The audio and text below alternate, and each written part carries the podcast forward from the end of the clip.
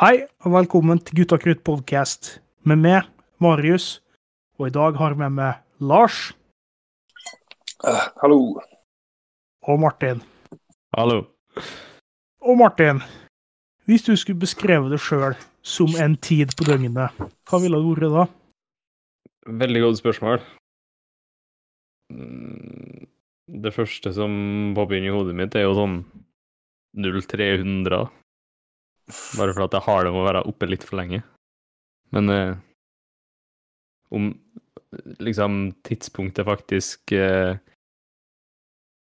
har noe eh, Ja, jeg veit ikke. Noe å gjøre med hvorfor jeg tenker det, det er en annen sak. Ja. Enn du, Lars? Altså Overraskende sånn passende spørsmål, egentlig. For å tenke sånn hvis du er ehm, et annet menneske, så, så sier du så klart at du er liksom sånn sju, åtte, ni på morgenen, ikke sant?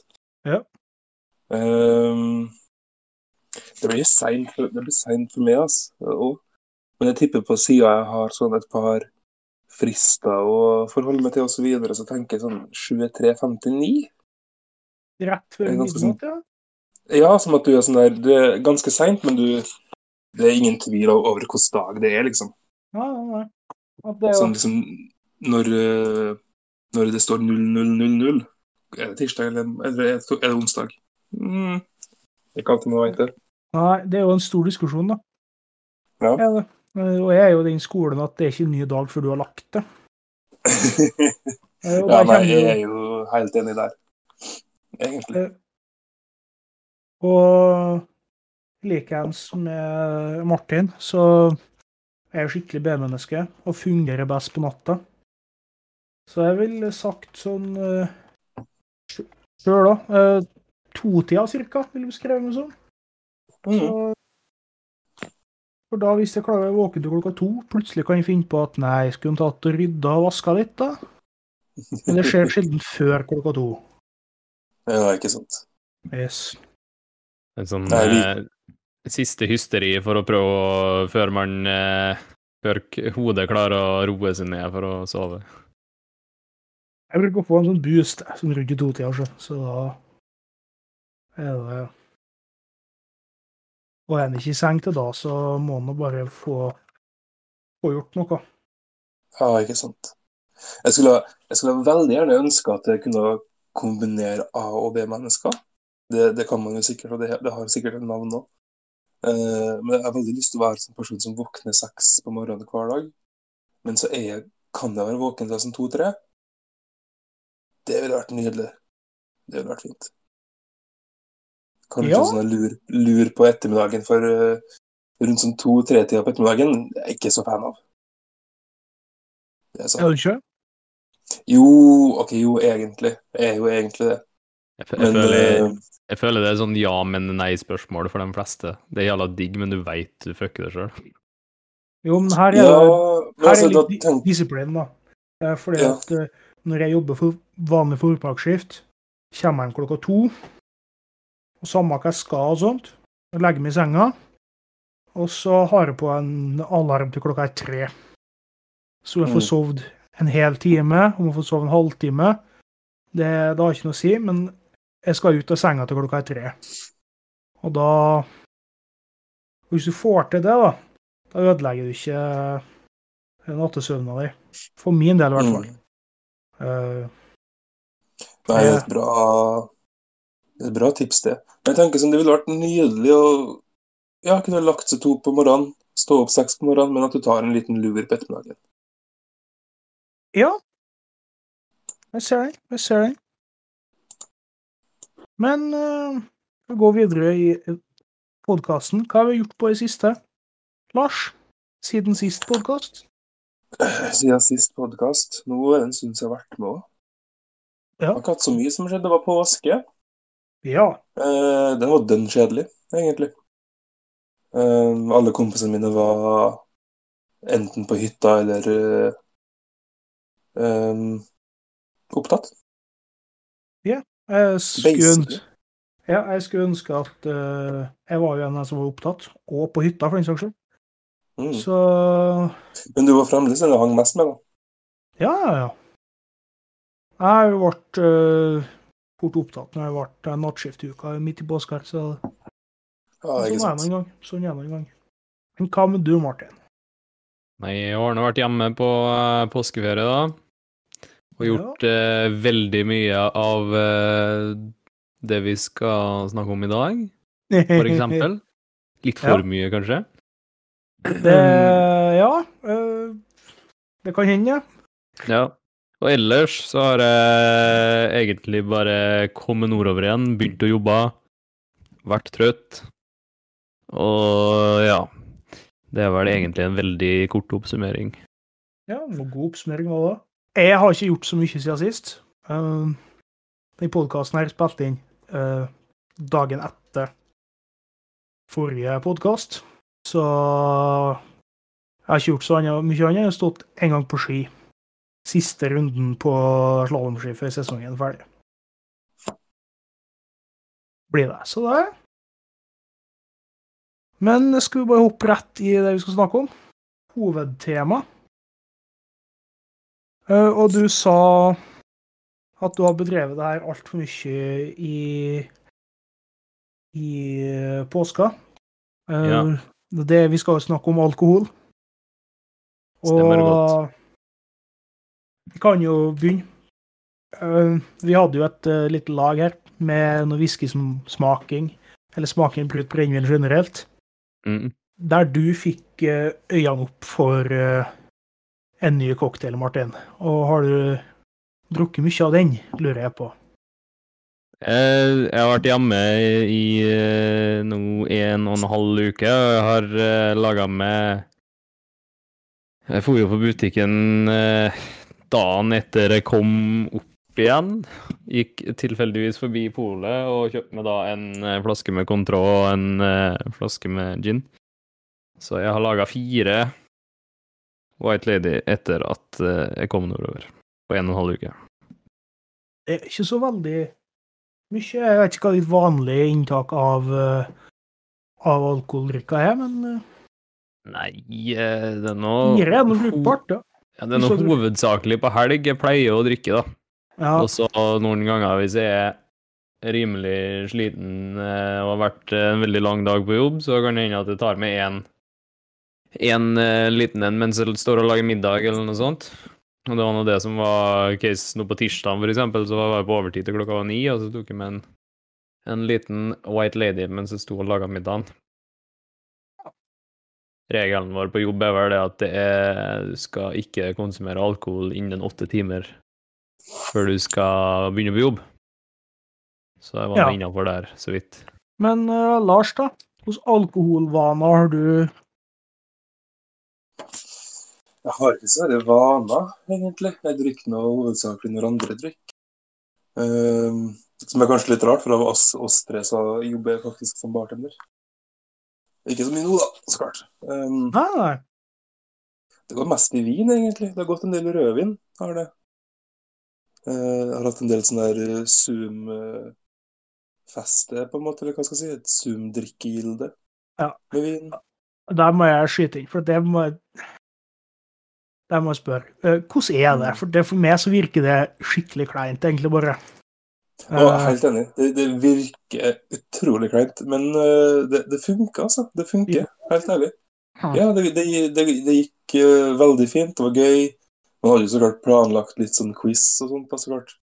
ja, ja, ja. Eh, Men nei, det var faktisk eh, Det, det funka. Det funka. Det gjorde det. Jeg ble, jeg ble uh, overraska, for å si det sånn. Ja, men hvis det fungerer, så For som sagt, jeg syns det hø høres skikkelig rart ut. Uh, Du er sosial på en måte uten å være sosial og drikke. Ja. Mm. Har du prøvd med Ja. Zoom-party? Zoom, hører du si. Zoom-party. Nei, jeg har ikke prøvd noe Zoom-party. Har ikke det, altså. Jeg har egentlig ikke hørt om det engang, tror jeg. Det kan hende at jeg har levd litt under en stein, men eh, ja, ja. Jeg tror det hovedsakelig er en ting blant eh, studenter, altså. Skal jeg tørre å påstå.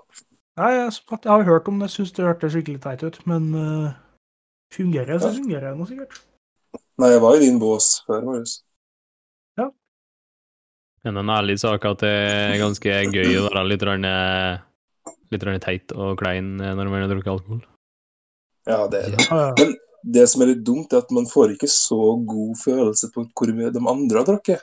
Ja, Så, Nei. så fordi Ja, de, man, eh, man tør ikke å komme sånn små, små utspill, og alt du sier blir har hørt av absolutt alle.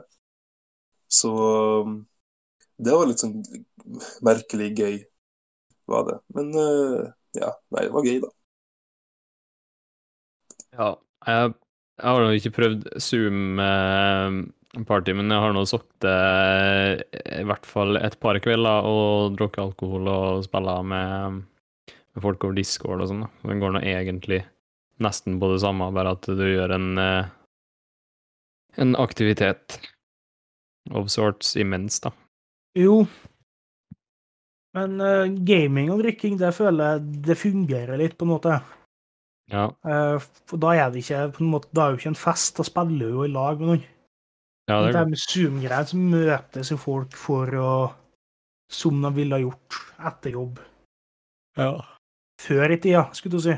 Høres litt ut som det er for spesielt interesserte. Vi var litt innpå nå. Du har jo funnet en ny favorittcocktail, og du drikker eh, for det meste rødvin. Er det noe annet vi liker å drikke?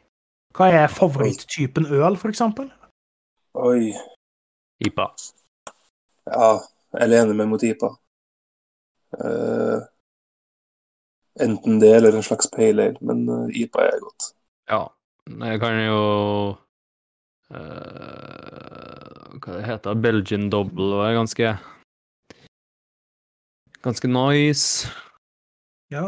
Eh, jeg liker ikke sånn surøl. Det syns jeg er noe sarv. Å, nei, Det er blitt...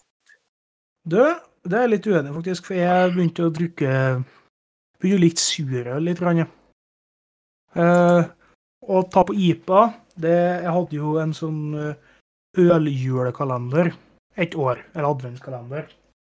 Og der ble det veldig, veldig mye IPA. Så det, det drakk jeg meg lei på, rett og slett. Jeg har nesten ikke drukket det siden. Annet enn mango-IPA til Mm. Hansa. Eh, og jeg syns eh, sånn det beste er egentlig en skikkelig god pils. Syns jeg er det beste. Ikke sånn ølmerke, da er det Guinness som er, er overalt, liksom. Men eh, når jeg skal på øltype, så er jeg på, er på pilseren der, altså. Ja. Det ikke, skal ikke undervurdere en eh, kald pils på en varm sommeraften i solveggen. Det Ja, og så er det så mye gode Eller lys lager, da, som det heter egentlig, den sorten. Ja. Uh, klart, hvis du beveger litt utenfor de norske med grønn boks, så får du mye Kan du finne mye godt, altså. Ja, det er klart. Men eh, favorittpilsen som du får kjøpt eh, i eh, alle norske butikker, da? Oi kan jeg bare komme inn raskt og si sånn Det er ikke, det er ikke favoritten min, men jeg syns vi kan ta et lite sånn æresnikk mot bare øl. Å, fy faen. Jeg syns bare øl er Å, du har Du er ikke uenig? Jeg er veldig uenig. Ja, OK. Bare øl fortjener alt hat det kan få. Når, når er det sist du drakk bare øl? Ja, det begynner å bli en stund siden. Ja, de har forandra oppskrifta litt, tror jeg. Ja. Men uh, bare øl har jo fått terningkast seks av VG, blant annet. Og altså, det er billig, og det er en veldig standard pils. Den er ikke sånn utrolig god, men den er langt fra ille, syns jeg. Men eh, oppfølgingsspørsmålet til, til bare øl, da, det er jo hva syns du om Tuborg? Og hva med jeg syns om Tuborg? Ja. Uh, det litt tror jeg spent, siden du, siden du liker bare øl. det har jeg fått skikkelig avsmak for. Um, nei, jeg holder meg unna, jeg holder meg unna Tuborg. Jeg bruker vanligvis Når jeg er på Samfunnet, så drikker jeg jo så klart uh, Dals. Men òg en god del nordlandspils. Den er god. Nordlandspils. De er ganske gode, ja. Uh, Mm. Nå skal jo, Jeg syns jo Tuborg er helt ålreit, og det jeg har drukket mest av det siste nå, det er uh, Tuborg har kommet med en pils med mango- og pasjonsfruktsmak. Altså Tuborg Light. da. Får til mindre kalorier og karbohydrater. Mm. Den syns jeg er ganske god, da. Men eh, tilbake til det du, det du får på alle norske butikker, da. Eh, så syns jeg at Stella er truet øverst på dem i den sjangeren der.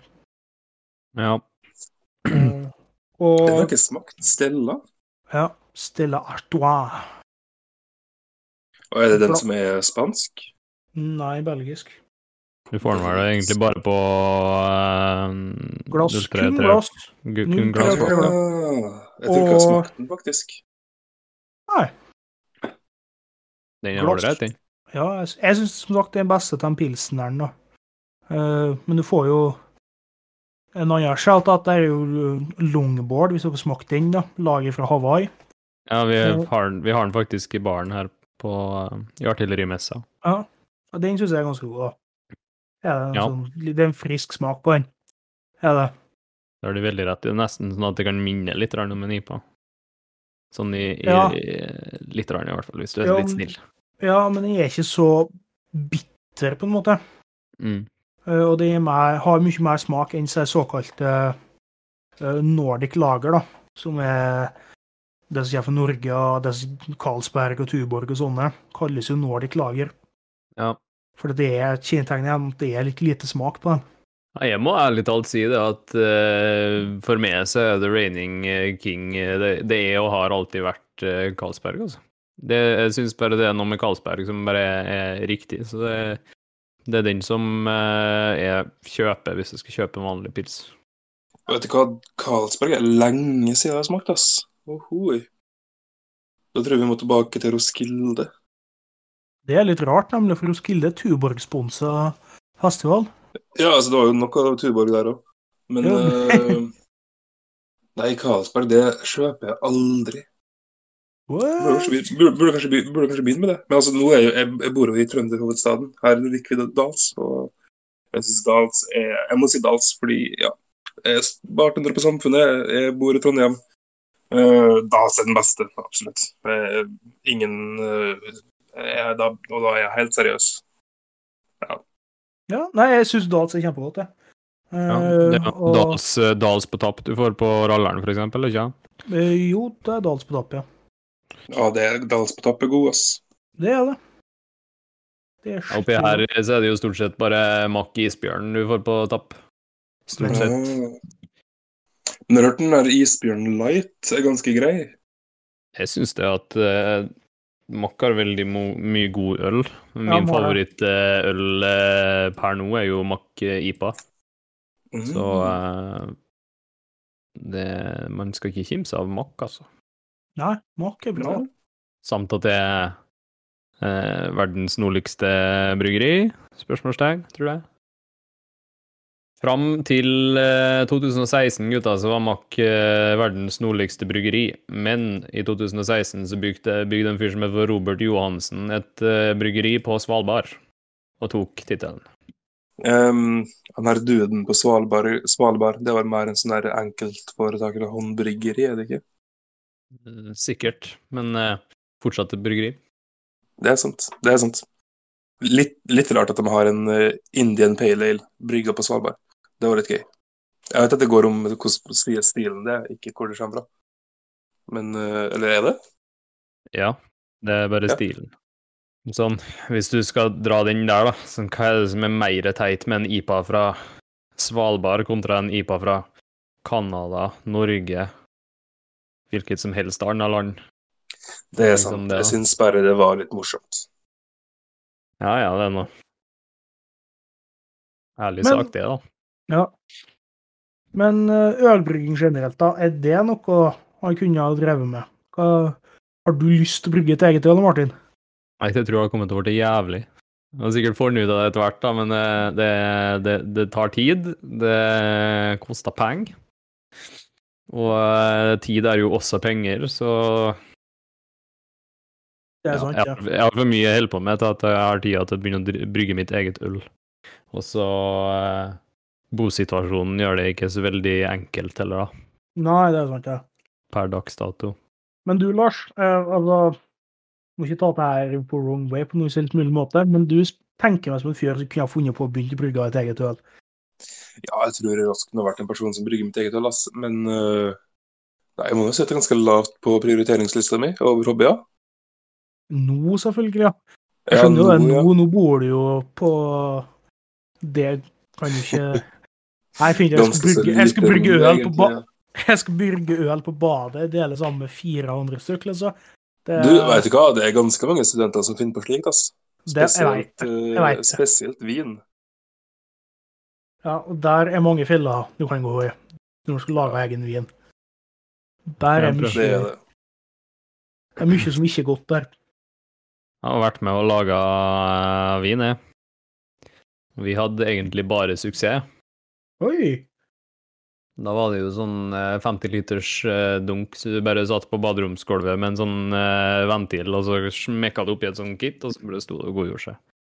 Ja. Så eh, det som var eh, mulighet for failure, det er jo enkelt og greit eh, at det ikke var nok varme, eller at du eh, ikke At det ikke var tett. Syns ikke det er litt rart å brygge alkohol eller liksom drikkevare på toalettet, da. For det kunne jeg raskt vært litt sånn skeptisk til. Man kan jo stille spørsmål til det, men hvor ellers er det du har det varmt nok til at du skal kunne få aktivert den der hjernen, eh, egentlig? Du kan ikke bruke, du kan ikke øl i stua, altså. Det Nei, da blir, det, da blir det ikke mulig å bruke stua. Nei. Absolutt, absolutt sant det, men eh, Nei, altså Alternativet er jo å ikke gjøre det, men eh, altså, jeg har ikke noe problem med det. Jeg vet bare at det finnes folk som har problemer med det. Eh, Jeg kunne heller ikke tenkt på å brygge øl sjøl. Jeg tenkte på mjød, da, kanskje. Det syns jeg hadde vært mye Mm, kulere. Men eh, så er honning er dyrt, ass. ja. Ja. ja, det er kanskje det. Men du kan ikke kjøpe sånn eh, Gå direkte til kilde og spørre om råhonning og sånt? Kan du det? Jo, for du bruker råhonning, nemlig. Mm. Gjør du. Eh, Du vil ha den uh, Råeste honninga som fins. Ja, du, egentlig. For at du vil ha den så flytende som mulig. Ah. Slik jeg har forstått det, da. Men jeg kan si det at uh, av brygging så tror jeg øl faktisk er lavest på min rangstigning av ting jeg kunne brygga. Jeg tror øverst har veldig lyst til å brygge øh, hjemmelaga whisky. Uh, Ja, det er jo ikke lov. Altså, Altså, det blir jo ikke brygging. Det blir mikrodestilleri. Ja, det blir kanskje Det er jo heller ikke lov, da. Men uh, det ville vært stilig å ha en egen tønne med sånn sjøllagra whisky lagra ved uh, Drivas bredder fra eksotiske Sunndalen. Du får prøve å få en lisens, da, og så lager brenner i den uh, Det hadde nå vært Det hadde nå vært noe. Det kunne ikke vært så dumt, det. Men sånn vinbrygginga, det, det kunne jeg godt uh, holdt på med, ass. Det er sånn skikkelig sånn eh, Det er Ja. masse muligheter for snobberi der, eh, vet du. Det er det. det, det, er du litt glad i, Lars. Der, ja. Martin har eh, norsk. jeg, jeg vet, jo, jo, absolutt. Men altså, jeg vet òg at hvis jeg skulle begynne med å lage vin altså Gjett om jeg skal oppi den tønna med, bar, med barføtter og stampe litt rundt, da. Uh, Gjett om. Mm. OK. Ja, for du skal ikke kjøpe noe kit, du skal tråkke druene dine. Nei, nei, nei, jeg skal, jeg skal Vi skal altså Det er jo noen, noen bitte små planer om uh, vingård på Fegran i Grudalen. Når det blir når global oppvarming kommer. Ja, jo, jo. Da blir jo Sunndal det nye Italia, har vi funnet ut. Ja, det hadde vært fint. Jeg fått slå på arten av snøen og lage vingård her. Litt, istedenfor. Litt sætersvin. Ja, jeg ser ikke noe problem med det, altså. nei, nei, nei. Ja. Nei, men uh, whisky, det skulle man uh, kanskje Det har vært artig å prøve, men uh, dæven, det er mye greier, det òg. ja hoi. Og fy flate, så Jeg har jo ikke tålmodighet til at jeg skal brenne sprit, for så å legge det på ei tønne, og så skal det ligge der i Sweetspoten er jo sannsynligvis kanskje rundt tolv år, da. Mm. Det er jo ikke så veldig varmt i Norge, så dermed så må du age whiskyen jævlig mye lenger. Sånn som i Texas, Mm. så, er det, så klarer de f.eks. ikke å age whiskyen noe særlig mer enn seks år før den begynner å bli litt dårlig, fordi at det er for varmt, enkelt og greit. Mm. Det varmere det er, til mer av, eh, av elementer fra treet og tønna. Trekker whiskyen til seg. Mm. Hva er det som er så bra med Skottland da, og Irland og sånt til tønnebrygging? Er det at det er veldig fuktig og sånt? Nei, si det. Jeg er ikke noe ekspert eh, på det, men eh, de er jo Det er vel noe med både temperatur og luftfuktighet og, og Litt av hvert, eh, ja. Ja, og så er det jo sånn at Skottland har jo veldig masse peat, Mm. Så har brukt som konservering og man røyker ting med den der peaten eller mosen, eller hva man skal kalle det, Mm. i alle de år. Så det er jo det som eh, er kanskje den mest karakterist... Oh, Jesus Christ, words. Karas karakteristiske tingen med scotch, da. At Mm. det um, størsteparten av scotch har, om ikke veldig masse, men så er det i hvert fall litt rann røyksmak, da. Ja, for du, du brenner jo innsida av uh, tønna, gjør du ikke? Ja, men uh, ved å brenne innsida av tønna, så får du ikke røyksmak. Ved å brenne innsida av tønna, så får du uh, sødme, faktisk. Mm. Så Ja, for å få røyksmak i whisky, så gjør du det at eh, du, du legger kornet inne i et uh, Kall det et skur. Og så tar du den her piten, da, som er et mose som er tørka, enkelt og greit, og så brenner du den i en ovn, som er ei pipe som går inn i det skuret. Sånn at uh, du fyller det skuret med røyk fra denne her piten, sånn at den røyken trekker inn i kornet. Som du bruker når du lager liksom uh, Skal vi eh, si satsen, da. Eller uh, mash, som det heter på engelsk. Mm. Det er jo litt interessant at det er selve ingrediensen. Det visste jeg ikke, faktisk. At det var kornet som du røykte. For det er jo rett rett røyke det, sånn som du ville ha røykt for å røyke mat i Norge. Ja, stemmer det. Det er så har du jo de med undermenneskene som eh, tilsetter liquid smoke i, i whiskyen sin, men det er vel det ytterst få. Det er vel sikkert ulovlig hvis du har tenkt å skalle whiskyen din scotch òg. Ja, jeg tror det. Jeg tror det er noen som har oppi brente tre stykker, tror jeg. Det er en ting. Ja. Men igjen, der så får du ikke røyksmak. Nei, bare Det den som er sødmen. Ja, du får, eh, du får sødme, du kan få sånne noter som brunt sukker, eh, karamell kan du få ut av, uh, ut av eh, brente tønner. Og um, eikesmak, ikke sant, hvis det er en eiketønne. Ja. Du har forskjellige brennegrader da, på tønneren, på innsida til tønneren, så om det er én til seks eller noe sånt. da. Og da, på alle de seks gradene, så har du forskjellige noter som du sannsynligvis vil få ut av en whisky i løpet av så og så mange år.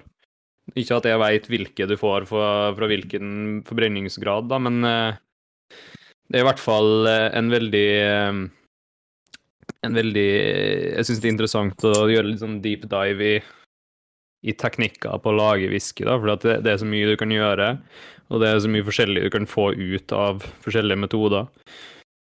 Sånn som destilleringsprosessen i seg sjøl, da. Uh, I uh, irsk whisky, for eksempel, så har du jo sånn trippeldestillering i kopper eh, Kopper eh, oh, jeez, hva, hva det heter det da? Rør, koppertønner. Nei, ikke tønna, men det er sjølve brenneren, liksom. Apparatet, skulle du si. Det er sånn gigantiske copper stills, som det heter Ah, på ja. engelsk. Eh, ja, det destil, det destillat, rett og slett. Still er jo et destilleringstårn. Ja. Så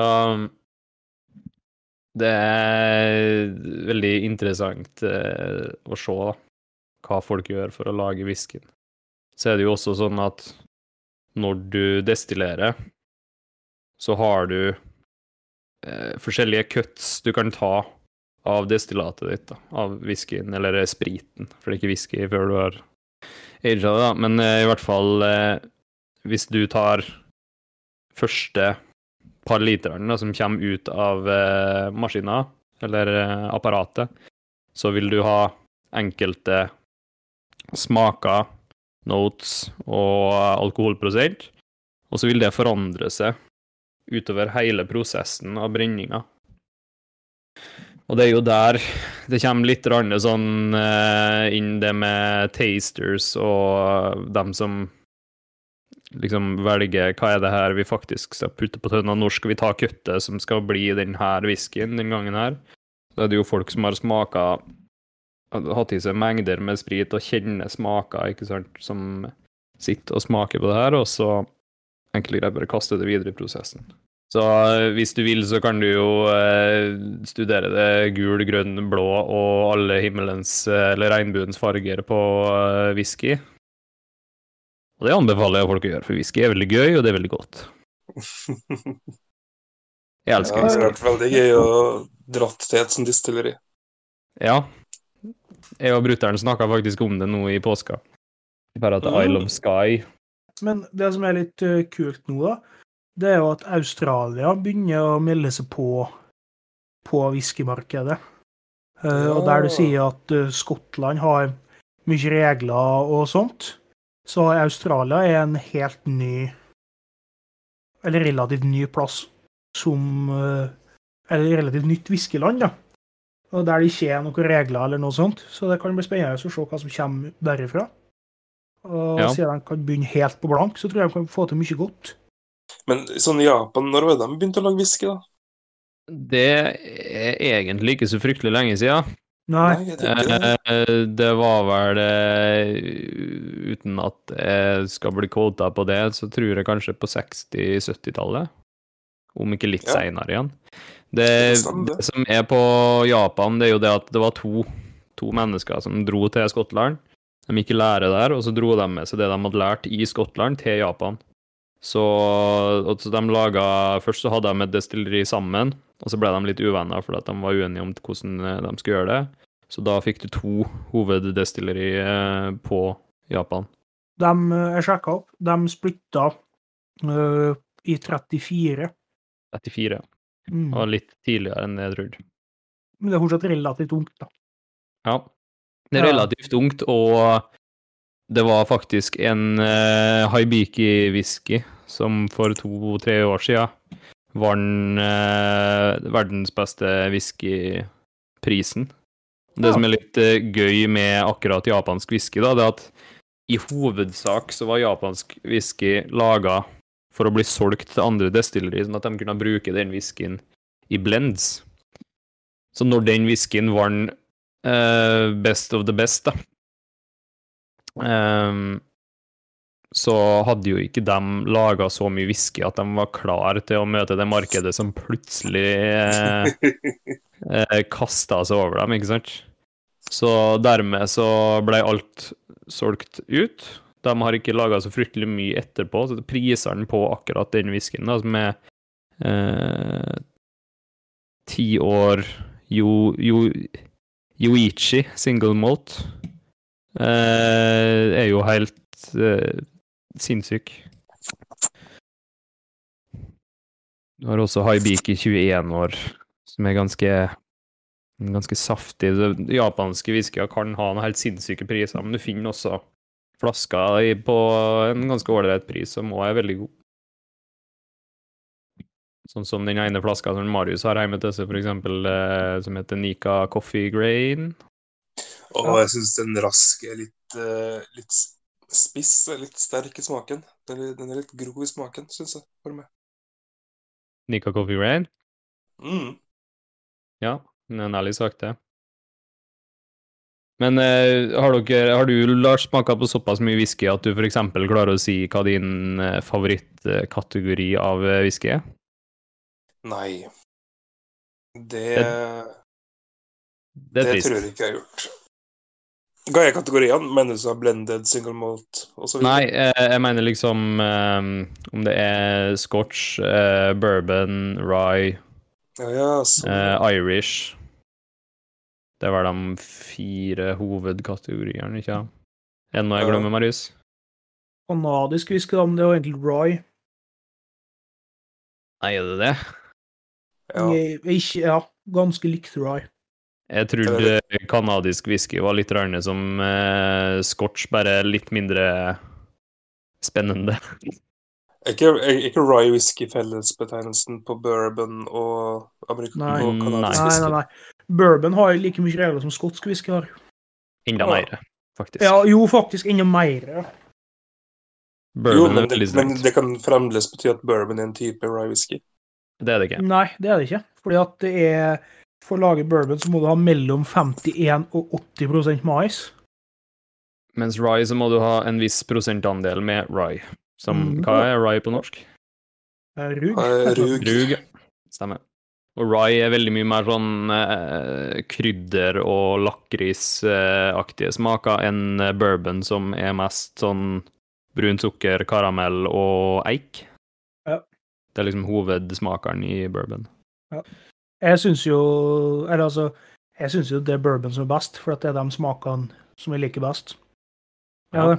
Eh, og klart det er den brudd sukker, litt vanilje og sånne smaker. Er litt sitrussmak der òg, så er vi jo det er jo helt perfekt for min del. Mm. Og da Det å ha jo et navn, det kalles jo rom. Gjør det. Ja. Eh, det er jo litt dem- Det er ikke så omfattende med regelverk som med whisky, men likevel sånn som at whisky har forskjellig Eller Skottland har forskjellige plasser, altså som Isla og Highlands og sånt. Så har òg de forskjellige øyene ute i Karibien har sine egne særpreg da, på whiskyene sine. Ja, så det er Mm. jeg har ikke sittet med like mye inni det som Martin har med, med whisky, men eh, Men rom er det jeg tror jeg, Hvis du begynner å gjøre dypdykk i det, så er det ganske omfattende, det òg. Ja. Mm. Det som gjør det ganske ålreit å gjøre deep dive i whisky, da, det er jo det at eh, det fins en eh, YouTube-kanal, eh, egentlig en hel community, som heter for Whisky Tribe, som er en gjeng fra Texas som har laga verdens eh, første crowdsourca destillery. Uh -huh. Eh, De har et hvelv med x antall tusen whiskyer. De har også da en YouTube-kanal som heter Whisky Vault, der de eh, reviewer whisky x antall ganger i uka. Eh, og på Whisky Tribe da, så finner du masse sånne videoer der de snakker om eh, terminologi og regler og typer whisky. Så det er liksom Hvis du vil ha en, eh, en liten eh, sånn Her er liksom the baseline of whisky eh, video, så er den 100% å finne på Whisky Tribe. sin YouTube-kanal. Forresten, for å svare på spørsmålet ditt, Marius Nei, Martin.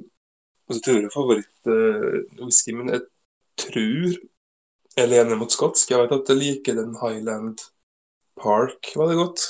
Ja. Uh, men jeg liker det da generelt som ganske milde whiskyer. Ikke så mye røyksmak. Ja. Men da har jeg en eh, en anbefaling Og så må, jeg- bare nevne den der eh, limited uh, Glenlivenes makt som var lagra på kirsebærfat. Den var nydelig. Ja, mener du sherryfat? Som i Ja. eh, drikken sherry? Å ja, det er sikkert det som er uh, Ja.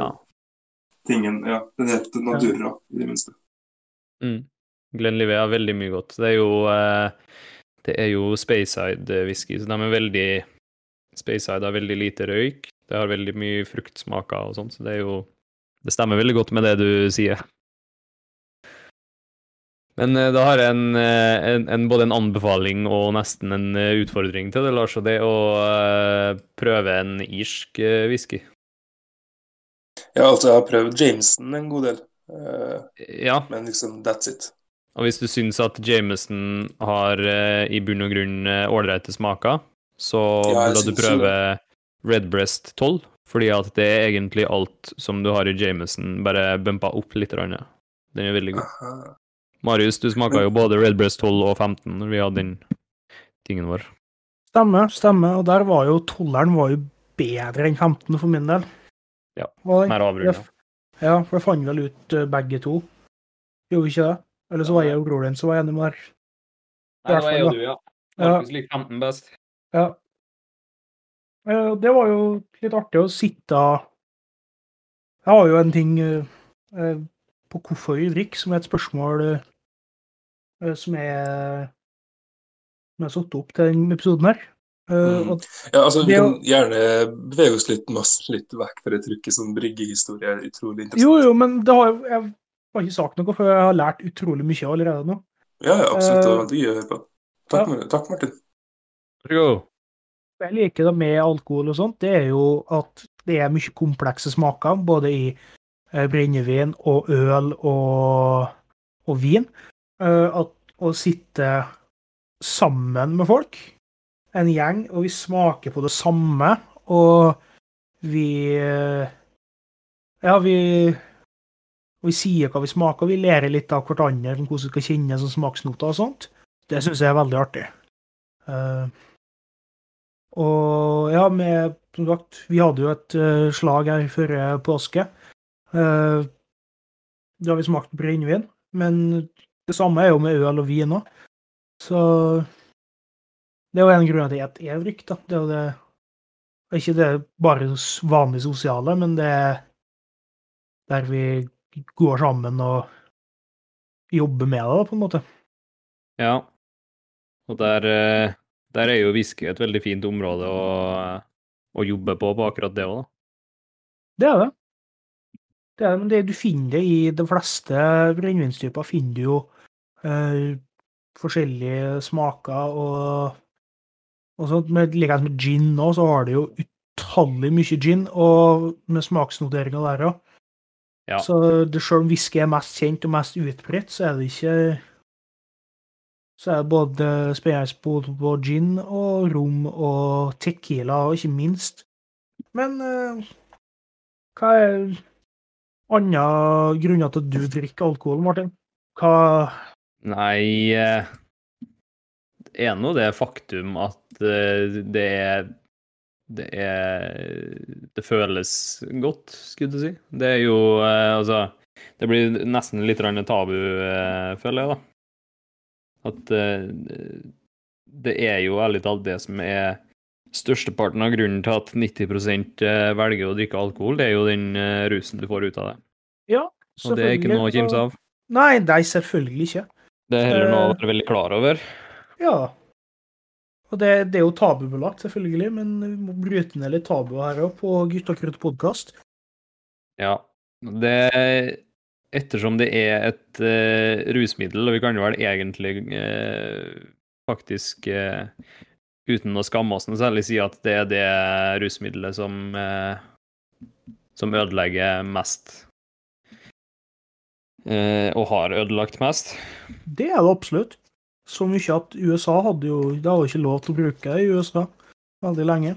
I Norge òg, for så vidt, når du tenker på Så jeg tenker det at det er veldig viktig å, å, å være ærlig med at eh, ja, vi drikker alkohol fordi at det får oss til Og det gir oss en eh, rus som vi eh, liker. Og dermed så er det veldig viktig å være klar over at vi gjør det. Hvis ikke så er det veldig fort å falle i, i, inn i avhengighet. Det, det er det. det, er det. Og hvis det er noe som eh, vi eh, burde ha et veldig eh, Det er veldig viktig å ha et forhold til, da, så er det det at eh, rusavhengighet i form av alkoholisme det er ganske, kan være ganske stygt. Ja, ja det kan jeg. Uh, og, men det er som du sier, at jeg jo syns jo at den rusen er ikke blir sørpedritings, men den rusen du får til alkohol, det er, det er en god følelse. Syns jeg, da. Mm. Annen grunn til at jeg drikker, det er jo at uh, det- øl det smaker godt, eksempel. Jeg syns brennevin og alkohol generelt, det smaker godt. Ja, jeg er helt enig. Og det, det er vel egentlig hovedgrunnen til at jeg begynte å drikke whisky, for jeg syns at det smaker veldig godt. Det er liksom når du treffer den ene whiskyen som du liker veldig godt, Ja, og du begynner å dyppe, dyppe tåa lenger og lenger ned i whiskyverdenen, da, og så finner du plutselig ut at her er det jo fryktelig mye forskjellig og fryktelig mye godt. Det var Ja, da det liksom eh, Det var da eh, ballongen sprakk, da, for min del. ja. Altså, for det har jo på en måte blitt, uh, blitt en hobby. Jeg lager jo mye drinker hjemme og syns jo det er ganske artig å sette sammen smaker slik. Uh, og smakene som både får noe ut av brennevinet, og Eller så komplementerer brennevinet. Og, og smaker som uh, overstyrer brennevinet, blir litt sånn uh, annerledesgrad i cocktailen, da. Ja. Uh, Nei, jeg fikk jo faktisk et sånt, uh, sånt eh, miksekit med Markus til enten jul eller bursdag i fjor. ja. Og det har jeg jo nå uh, begynt å tatt i bruk etter påska, når jeg lærte meg å lage den uh, White Lady-cocktailen. Så ja, ikke sant? Uh, ny horisont har, Ja. eh, har vist seg. Og det er jo viktig. Det er mye nye horisonter i alkohol, og man må på en måte tørre å prøve litt nytt, da. Ja. Eh, Og klart, eh, som sier at jeg syns at alkohol er godt. Jeg syns jo sitronbrus er godt òg, ikke sant? Men det er ikke Det er, ikke, det er mye mer, mer forskjellige smaker i alkohol. Mm. Uh, mye mer komplekse smaker enn Ja. bare brus og vann og saft, liksom. Det er ikke bare det det er, det kan ligge veldig mye eh, bak teppet, da, skulle du si. Veldig Mm. mye eh, ligger også på det å, eh, å bli vant med, med å drikke alkohol. For det er mange når de tar en sup med f.eks. whisky, ikke sant, så sier de at det smaker bare sprit. Det er jo fordi Ja. at de ikke er vant med å drikke sprit. Nei, selvfølgelig. Og Så da kjenner de spritsmaken up front, og så klarer de ikke å plukke ut eh, alt det som ligger bak, ikke sant. Mm. Der er det jo veldig viktig å tenke, tenke litt da, hvis du skal introdusere noen til en, eh, en eh, type sprit, at du ikke velger det som er mest sånn punch you in the face. Er 59% med en gang. Jo, men det er jo, trikset er jo å vatne ut litt, grann, ikke sant? Tilsett en dråpe vann og en og en dråpe i gangen for å få bort på en måte den spritpunchen, da. Og eh, der du får tar bort den spritpunchen og får smakene fram. Det er jo en teknikk å få folk inn på sprit på. Ja. Mm. Det er jo også en annen ting med whisky som er interessant. Det er jo det at det er såpass mye olje i whiskyen fra treet i tønna. ikke sant? Ja. Sånn, hvis du drypper en dråpe med vann ned i et whiskyglass, så kan du forandre strukturen på hvordan olja ligger i glasset. Sånn at du egentlig forandrer smaken, smaksprofilen til whiskyen eh, i veldig stor grad. Og det òg kan være veldig gøy. Det ser du jo òg når du dropper vann nedi, nedi whisky, at det er mye olje til. Du ser på måten vannet blander seg Ja. på. Og det er kanskje der tenker jeg med du og Tequila, Martin, for jeg tipper det er mye Tequila med rød sombrero du har drukket. Eh, ikke mye. Nei, men nok til å at tequilaen av hele mitt, uh, mitt hjerte. ja, Sierra Der- Tequila er verre enn rottegift. det er helt, det er jeg faktisk helt enig med deg uh, Men der igjen. Det er jo fordi at det er jo en ganske det er jo billig sprit. Det er jo ikke lagra noe spesielt. Da får du den uh, sprit... Uh, den spritkrafta får jo den rett på, liksom. Og du kjenner jo ikke smaken til Sierra Tequila. Jeg syns som sagt, jeg syns sjøl at det er helt forferdelig eh, drikke, akkurat den med rød sombrero på. Ja, jeg får så vondt i hodet til Sierra nå. Fy faen. Ja. Altså, det fins jo gode tequila. Jeg har jo et par brune tequila stående i skapet mitt som jeg syns er ganske gode. Det er ikke det beste jeg veit, nei, men det er, det er interessant. Ja. Men Lars, helt uh, nydelig tequila for uh, Jeg må tilbake til fjor, og jeg husker ikke helt hva den heter. Men uh, åh, den var god. Så hvis du drar litt opp i, i prisklassa og går imot litt sånn uh, tequila som har uh, vært lagra en del, så finner du ganske god tequila, altså. du, kan, du kan gjøre det. Du kan gjøre det. Eh, Og du trenger ikke gå så høyt opp i prisklasse heller, fordi at jeg sjekka at en liter med Jegermeister nå, det koster 600 kroner. Eh, Oh, det, får det var bra- mye mer enn jeg forventa. Ja, for når det var Pola hadde nye priser, så gikk den ganske betraktelig opp i pris.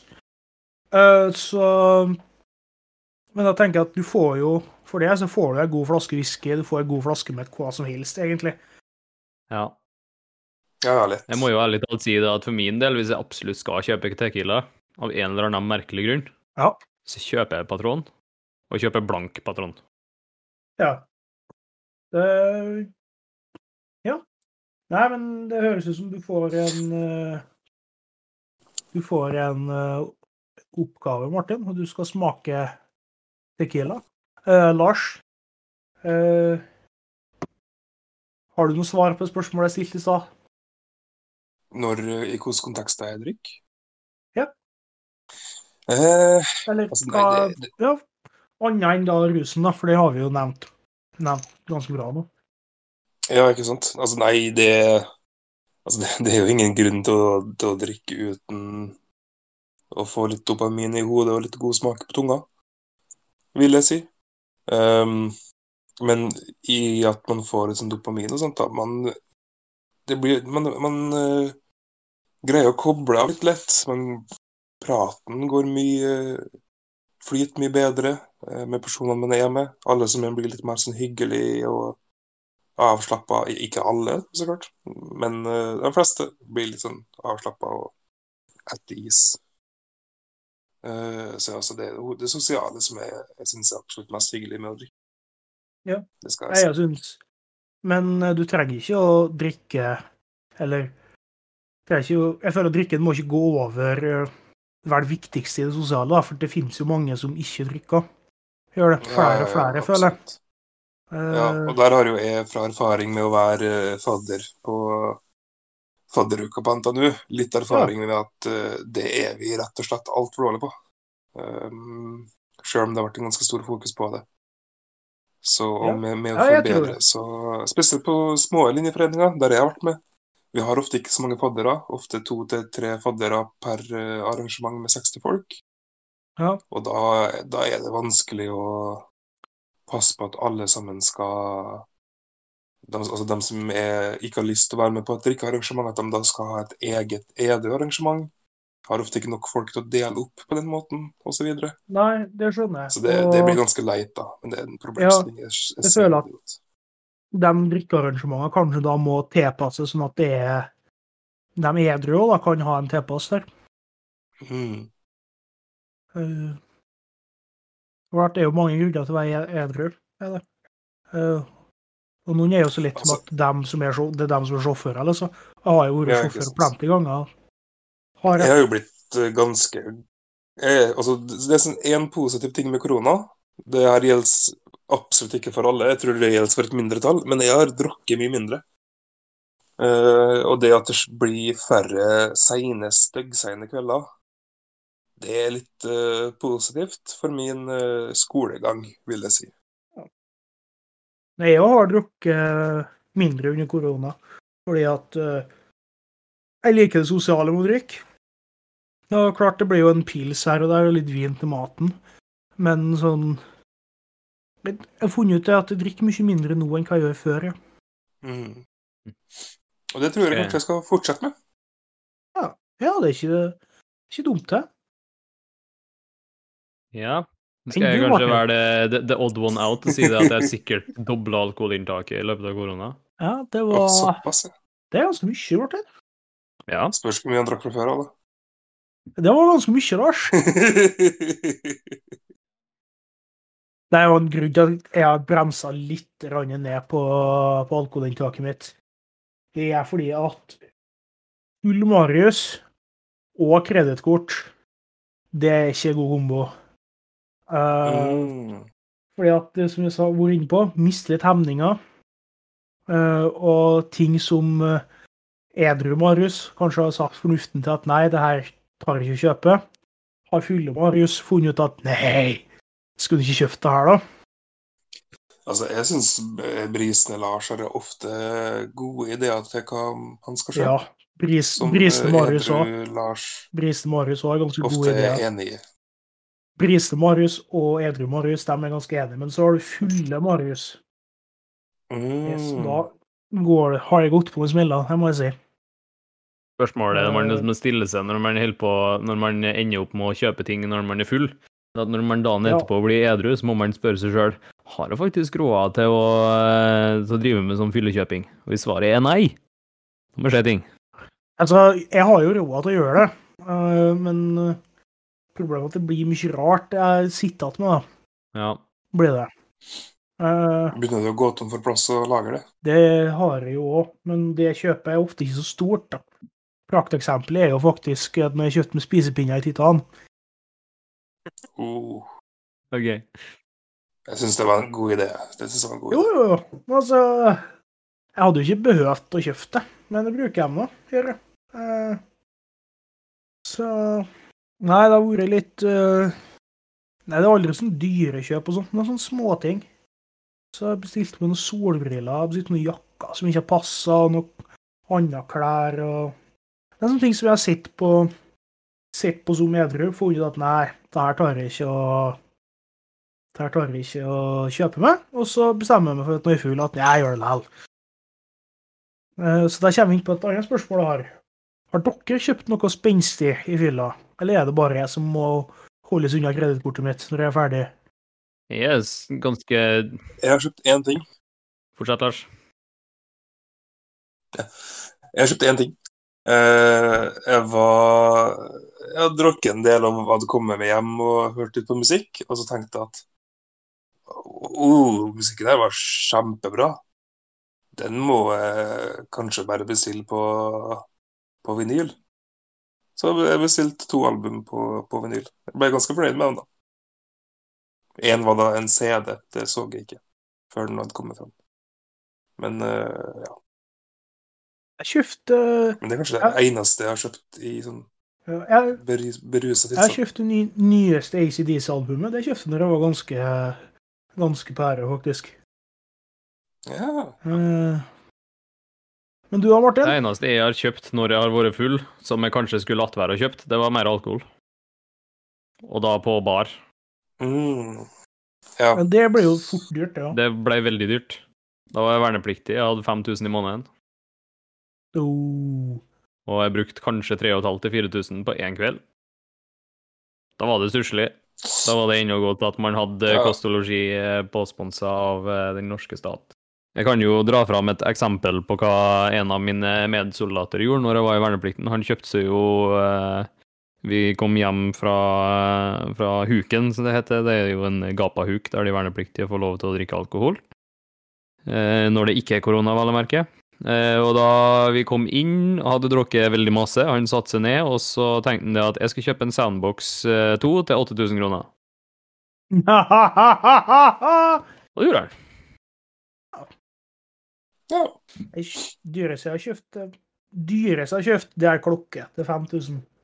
Ja. Er det. Uh, men har jeg også kjøpt den i edru tilstand? Jeg tror jeg faen meg også gjort det. Men det var liksom litt på gjerdet med det. Uh, Annet rart jeg har kjøpt, da. Eh, jeg kjøpte meg en uh, halvkilo med, med noe krydder. Tror jeg kjøpte en halvkilo med noe provanskrydder eller noe sånt. Oh. Ja, det, Provence-krydder er veldig godt. det er veldig godt, men du trenger en halvkilo med det. Det er ganske mye, altså. Oh, jeg bruker mye Provence-krydder. Ja, men det gjør jeg òg, men en halvkilo med det, det er fortsatt veldig mye. Ja, OK, OK. da, ok. men Ja. men det, det er sånne ting. Eh, og jeg har kjøpt meg noen skjeggbørster. Jeg har kjøpt meg to stykker. Jeg trengte ikke noen av dem, egentlig. To like òg, for jeg trykte en gang mye på å legge til. Det, ja, det er mye slikt. Jeg eh, er ganske glad for at jeg ikke er så veldig eh, stygg på den der fyllekjøpinga.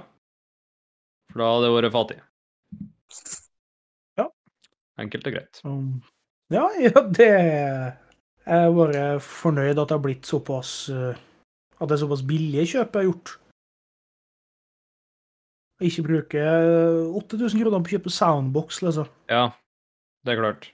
Når han hadde noe Han var ganske Han hadde spart. Han hadde vært flink og spart da, før verneplikten, så han hadde 100 000 på bok i, i lommepenger skulle du si, til verneplikten. Så han kjøpte seg jo først og fremst en bil da, til 40 000 kroner. Og så kjøpte han seg den, ja, og så kjøpte han seg en PC til 17 000, så han eh, eh, Ikke en mann som var i eh, nød for å ha lite penger, da. Nei, men eh, det er noe artig likevel, da. Ja, Mye artig historie. det var ganske vittig når vi, når vi satt der, og så bare dasken fram den, liksom. Det var Og vi trodde jo ikke at han kom til å gjøre det. Nei, nei, nei. Og hvis dere sa det opp nå, at nei, du kommer ikke til å gjøre det, da går det i hvert fall. Ja, det var... Skal i hvert fall gjøre det. Eh, Ja. Det stemmer godt, det. Så deres sin sin feil, egentlig, altså, med andre ord. men dæven, det var en god investering. Ja, ja, ja. Det var, vi spiller jo musikk i gangen for hele kaserna når vi, eh, på morgenskvisteren når vi vaska, ikke sant? Det var kjempegreier. Ja, det vil jeg tro. Men apropos ta musikk, da. Eh, Martin, du spiller jo gitar, Ja. og du har sikkert hatt noen framføringer av gitarspillinga di. Ja. Tenker du Drikker du- duggen tilstand? Jeg spør eh, når du skal La oss si du skal spille på jam, da. Drikker du før du Har du et stort alkoholinntak medan du holder på å spille? Ikke stort. Jeg tar én, maks to pils. Gjør For jeg. at jeg Ja. Nei, for jeg drikker aldri før jeg skal spille. Nei, og det, det er jo en, eh, en ærlig sak, det. Og eh, det er jo Ja. også sånn at eh, hvis jeg hadde drukket fem Hvis jeg hadde drukket en sekspakk liksom, før jeg, kommet, før jeg hadde gått opp på scenen og spilt, så hadde det jo kommet til å være krise, ikke sant? Ja, ja, ja. Nei, så det er holder meg unna. Det er jo gøy, for at vi sist gang, da var før første runden med, med nedstengninga, så ble det utsatt, så vi gikk på scenen sånn i ett-tida. Ja. Og da er det klart gøy når du har drukket Pepsi Max siden klokka var ni. Ja, det er klart. Da tror jeg kanskje at jeg hadde kommet til å, å drukke to eh, To eller kanskje jeg hadde tatt meg opp til tre. Hvis jeg hadde starta liksom klokka ni, da, så hadde jeg tatt én pils klokka ni og drukket den på en Ja. liten time, og så tatt en til Ja. i, i titida, ikke sant? Og så bare holdt det gående med sånn med en pils i timen, kanskje da fram til spillinga. Det tror jeg skulle ha gått helt fint. Ja, altså, det har helt sikkert gått helt fint med meg òg, men Arne satt med at jeg skal ikke, skal ikke drikke før jeg skal ut og spille. Nei, men det er nå- en, eh, en fin ting å si til seg sjøl. Så kan det jo hende at det, det redder opptredenen, skulle du si. Ja, for det, det er mye fulle musikere utover det. ja.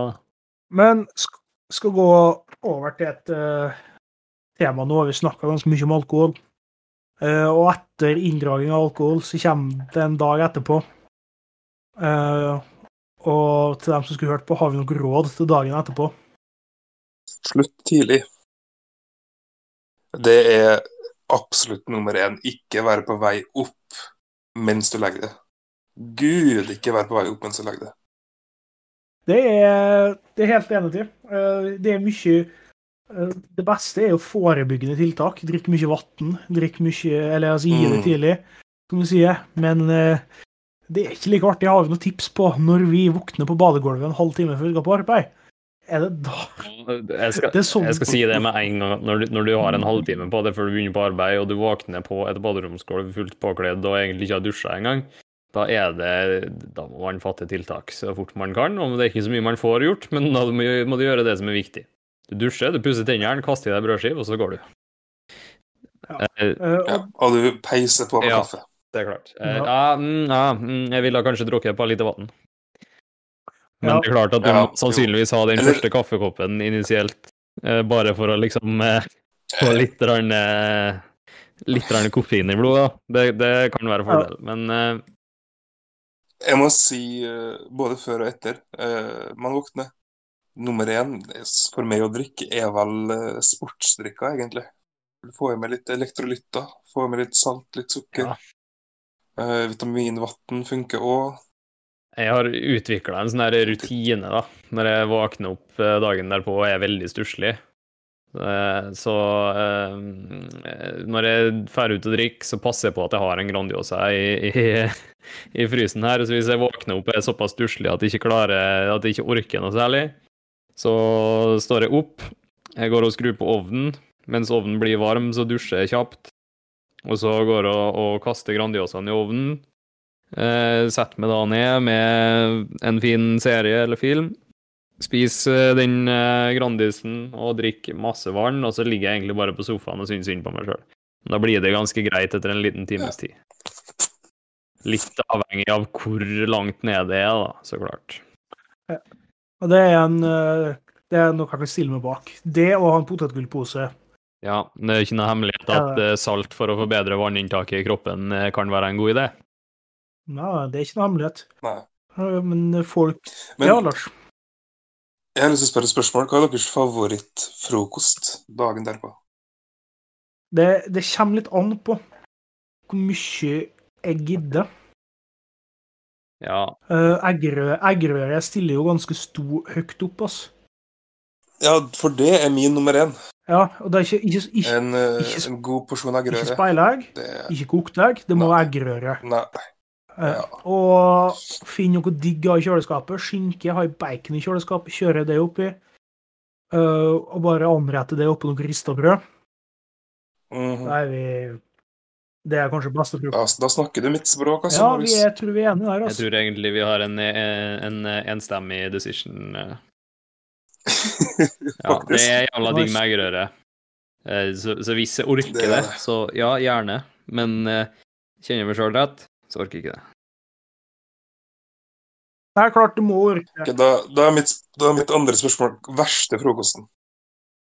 alt det som var litt mer enn eh, anstrengelse å knekke noe egg og dele opp noe, Noe du må anstrenge deg litt for å lage. Og vanlig, okay, vanlig brødskive, da. Det er For jeg har, jeg har Ja, fortsett. brødskive med gulost. Det gjør seg ikke bra ut på dagen derpå. Altså. Eh, Ah, okay. Skal jeg, skal jeg være Fordi- litt edgy? Si at Ja. den verste Ja. frokosten dagen derpå er å knekke en ny pils eller å ta en shot? ja. Ja.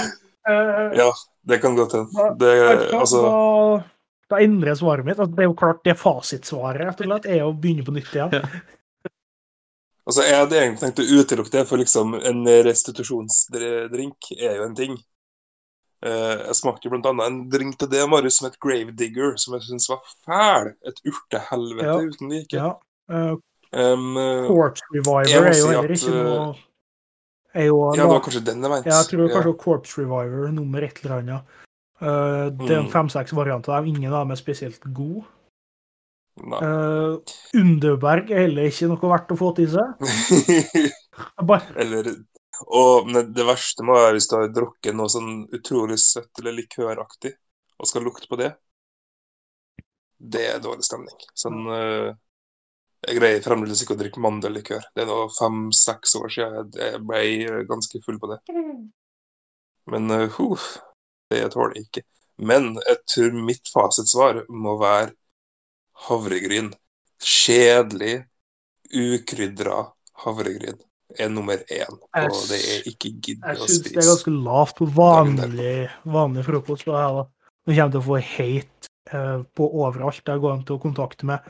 Men Ja, nei, jeg liker ikke. Jeg er ikke så fan av nei, jeg er ikke så særlig fan. Det, altså, jeg, kan litt, jeg kan være litt fan av det hvis du tar liksom kanel og sukker på med noen eh, Kanskje litt eh, eplebiter, noen valnøtter, litt rosiner. Men da føles det bare litt som en dessert, ass. Og ikke så spesielt digg dessert heller, egentlig. Det, nei, men Nei. man skal ikke kimse av havregryn i form av havregrynsgrøt til frokost, da. Faktisk. Det er ikke så jævla digg, men fy faen, det får kroppen i gang. Eh, altså, det er jævla god næring utover til lunsjen, da. Ja, ja, ja. God næring, det er det. Og så rensker det, rensker det systemet, da, for det er masse fiber, ikke sant. Ja. Mm. Nå eter jo ikke jeg så forferdelig mye frokost lenger, da. Nei, det Men gjør ikke jeg heller. eh, jeg gidder faktisk ikke havregryn. Det er Nei. Det er veldig spesielle anledninger. Eh, Da må man nesten være ute på tur. Mm. Nei, jeg spiser vanligvis en eggerøre til frokost for tida. Ja, emnebra frokost. det. Det er det, eller så blander jeg litt crunchy musli med Ja. litt havregryn.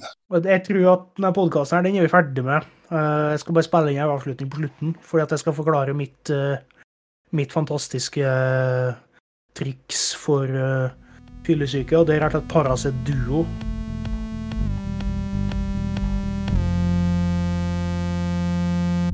Kanskje det er spørsmålet til Martin på slutten òg. Det blir, tror jeg blir klippa ut, faktisk. Ja, jeg, syns det var et veldig bra spørsmål. Kan, vi, kan, vi, kan han stille det på nytt, så kan jeg svare mandellikør. Ikke gå så mye i detalj, og så tar vi det derfra.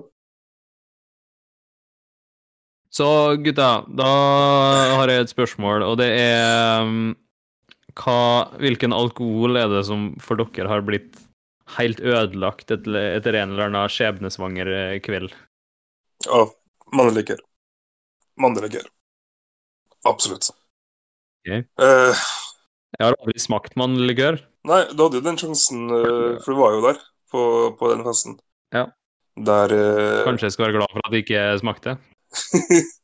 Nei, jeg tror, jeg tror bare det var jeg Jeg tror det var hovedsakelig jeg som drakk det, kanskje. Kanskje noen andre en til Anna. Men eh, Nei, det var jo når vi hadde eh, fest til meg, bursdagsfest til meg, og så hadde tvillingen min bursdagsfest òg til oss. Forskjellige etasjer, og det ble, ble en fest. En fest eh, etter hvert. Mange historier der. Eh, litt gøy. Litt drama. Masse minner. Ja. Det var en skikkelig god fest. Eh, Ja. og en av de tidligste vi har hatt, faktisk. Ja, det er kanskje det. Det var veldig tidlig. Ja. Bra kveld. Ja, det var Bra. Marius, Oh, det er, det er et vanskelig spørsmål, ass. Er det. Uh, og jeg veit ikke hvorfor det er Hva heter så vodkaen som var 20% som du kunne kjøpe? Kalinka. Kalinka, ja. ja det, kan, Kalinka ja. det kan jeg ikke drikke. For det ja. Nei, det er jo bare fælt. Det er jo 22% Det er jo Ja. ille. ja uh, det er det eneste jeg ikke kan drikke, tror jeg. Uh, det er liksom Ja, det er Kalinka. Jeg kan ikke drikke så mye likører når jeg er ute. Uh, mult, multlikør er ganske ødelagt, for at det er jeg og Hans og, og Flo har vel en runde ned kjelleren hans uh, til Flo. Eh, og da drakk vi to ting. Det var multlikør, og vi drakk noe vi fant i skapet til foreldra til Flo. Det har vi ikke fått identifisert. Eh, men det lukta veldig parfyme av det, og smaka litt promp. Så eh, Men på grunn av det, da, så multlikør kan jeg heller ikke drikke. for min, for min del så var det det enkelt og greit Jegermeister. Åh, uff. Jeg har aldri likt Jegermeister. Nei, Aldri, aldri. jeg likte Jegermeister én gang, så den ble bare totalt ødelagt. Men eh, en ting som jeg aldri har likt, det er jo Fireball. Mhm. Fireball. Enig. jeg Enig. jeg syns Fireball er så nydelig. jeg. Jeg blir altså kvalm eh, bare lukter Fireball. Det, da blir jeg dårlig. Ja. ja, jeg kan si meg veldig enig. Ja.